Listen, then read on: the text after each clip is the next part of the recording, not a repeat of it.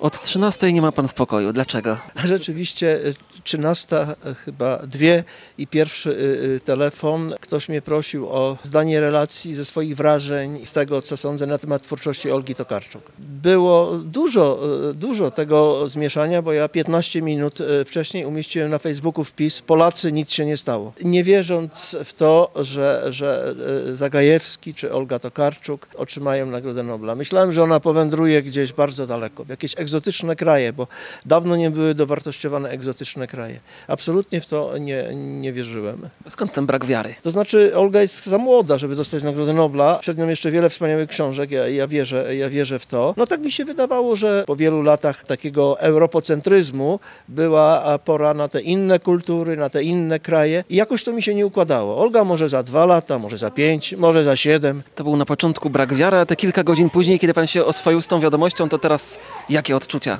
Ale nie, oczywiście, y, radość, y, radość kolegi, kumpla, przyjaciela z jednego literackiego dolnośląskiego podwórka i z tego bardzo malutkiego noworudzkiego zakątka też.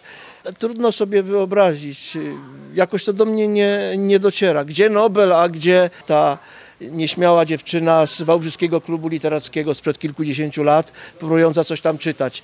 To nie mieści, jakby ktoś kogoś zamienił, jakby nastąpiło jakaś e, cudowne jakieś przeobrażenie.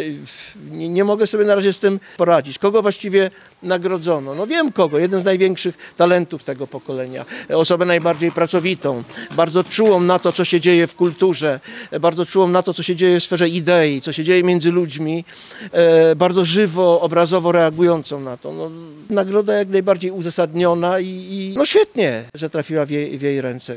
Kultura polska znowu gdzieś tam będzie na ustach świata przez pięć minut. Cieszę się. To też mm, tworzycie razem e, festiwal. Y, Mieszkamy tutaj razem od wielu, wielu, y, wielu lat. Pamiętam jeszcze y, ten początek lat 90., kiedy y, szukała z mężem jakiegoś y, gospodarstwa, a chciała się wyrwać z Wałbrzycha, chciała zamieszkać rzeczywiście w głębi Sudetu, wie- blisko lasu, łąki. Y, To pisanie też już szło w tą stronę, takiej bliskości z naturą. No i udało się, znalazła, względnie tanio kupiła wiele, wiele lat temu w Krajanowie te kilkanaście hektarów, ten stary niemiecki dom, który był źródłem tylu y, olśnień, ty- tylu natchnień. Kapitalna książka zaczęła natychmiast powstawać. Dom dzienny, dom nocny. Dla mnie taka święta księga Sudetów. Szczególnie święta księga Nowej Rudy i okolic. Mamy swoją Biblię. Zawsze o te, y, mówiłem i teraz fajnie, że jest okazja, żeby to powtórzyć. Więc y, wieloletnia jakby y, znajomość, ale to jest taki człowiek, który mm, nie zamyka się wieży z kości słoniowej i jakby buduje sobie tylko ze swoich książek, ze swojej katorżniczej pracy jakiś e, zamknięty świat, ale otwiera się na lokalność, na społeczność, e, szuka kontaktów, szuka przyjaźni. Już wtedy, e, kilkanaście lat temu, założyliśmy wspólnie Stowarzyszenie Góry Babel. Kwestia połączenia jakby wielu języków, wielu kultur, choćby polsko-czesko-niemieckiej, tutaj w tych Sudetach, a więc Babel, wieża, a więc góry, góry Babel. I to stowarzyszenie sobie działało, nic, nic właściwie nie, nie robiąc, Olga wyjechała, wyjechała do Wrocławia. Wraca po 10 latach, po 12 i mówi nie, stowarzyszenie musi działać. No i powolutku, powolutku, pierwsze zebranie, drugie, fajnie, działamy, ale może coś tak, żeby świat z tego miał, ale też i e, lokalsi. Festiwal. Maliszewski, wymyśl hasło. No to wymyśliłem. Góry literatury. Działamy, działamy. Zapraszamy znajomych i jakoś to pójdzie. No i poszło i, ma się coraz lepiej.